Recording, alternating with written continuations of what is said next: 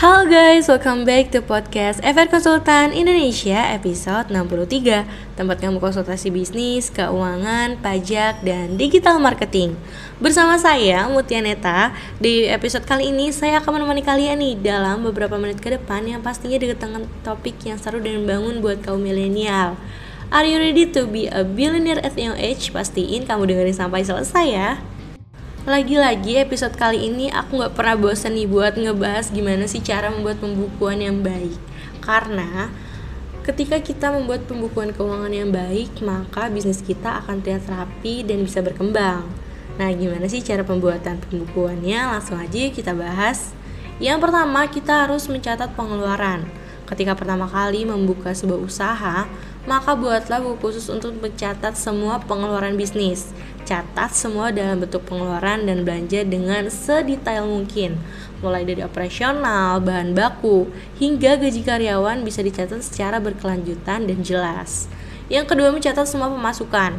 Nah, ketika urusan pencatatan pengeluaran sudah beres, maka kamu dapat melanjutkan dengan mencatat semua bentuk pemasukan yang ada, seperti membuat buku kos pemasukan. Sehingga buku pemasukan ini dapat digunakan untuk mencatat semua bentuk transaksi yang memiliki kaitan dengan pemasukan perusahaan tersebut.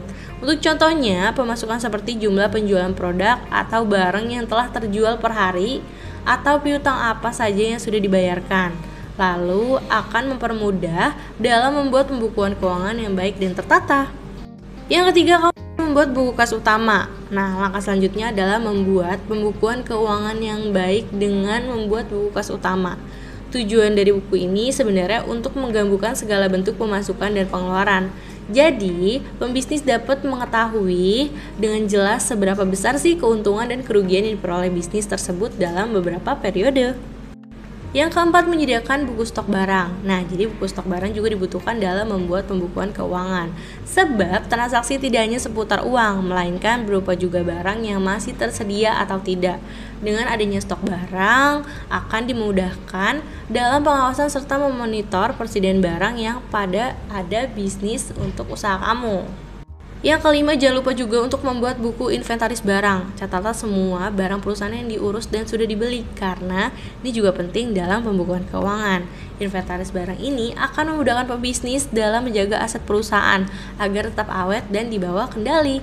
Yang keenam, menyiapkan buku laba rugi.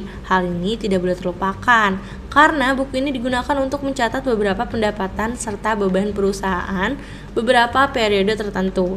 Dengan cara ini, pembisnis akan lebih mudah mengetahui apakah perusahaan sedang dalam kondisi yang mempunyai profit yang tinggi atau justru merugi.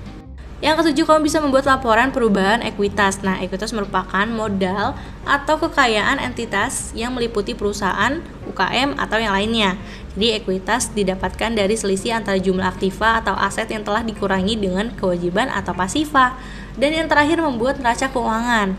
Nah, neraca keuangan ini akan membuat pembisnis itu lebih mudah mengetahui kondisi keuangan perusahaan pada periode tertentu. Selain itu, neraca berguna juga untuk mengetahui seberapa besar sih nilai perusahaan setelah melaksanakan ragam kegiatan yang berkaitan dengan keuangan. Jadi itu beberapa komponen yang harus kamu terapkan dalam pembuatan pembukuan keuangan yang baik. Gimana nih kira-kira pembahasan kali ini? Thanks banget ya buat para teman-teman atau Gen Z yang udah dengerin sampai akhir di episode 63 mengenai gimana sih cara membuat pembukuan keuangan yang baik. Nah, untuk mendapatkan lebih banyak tips dan trik tentang bisnis, keuangan pajak, dan digital marketing, kalian pantau terus ya podcast FR Konsultan Indonesia dan tunggu update-nya di Instagram kita at FR Konsultan Indonesia.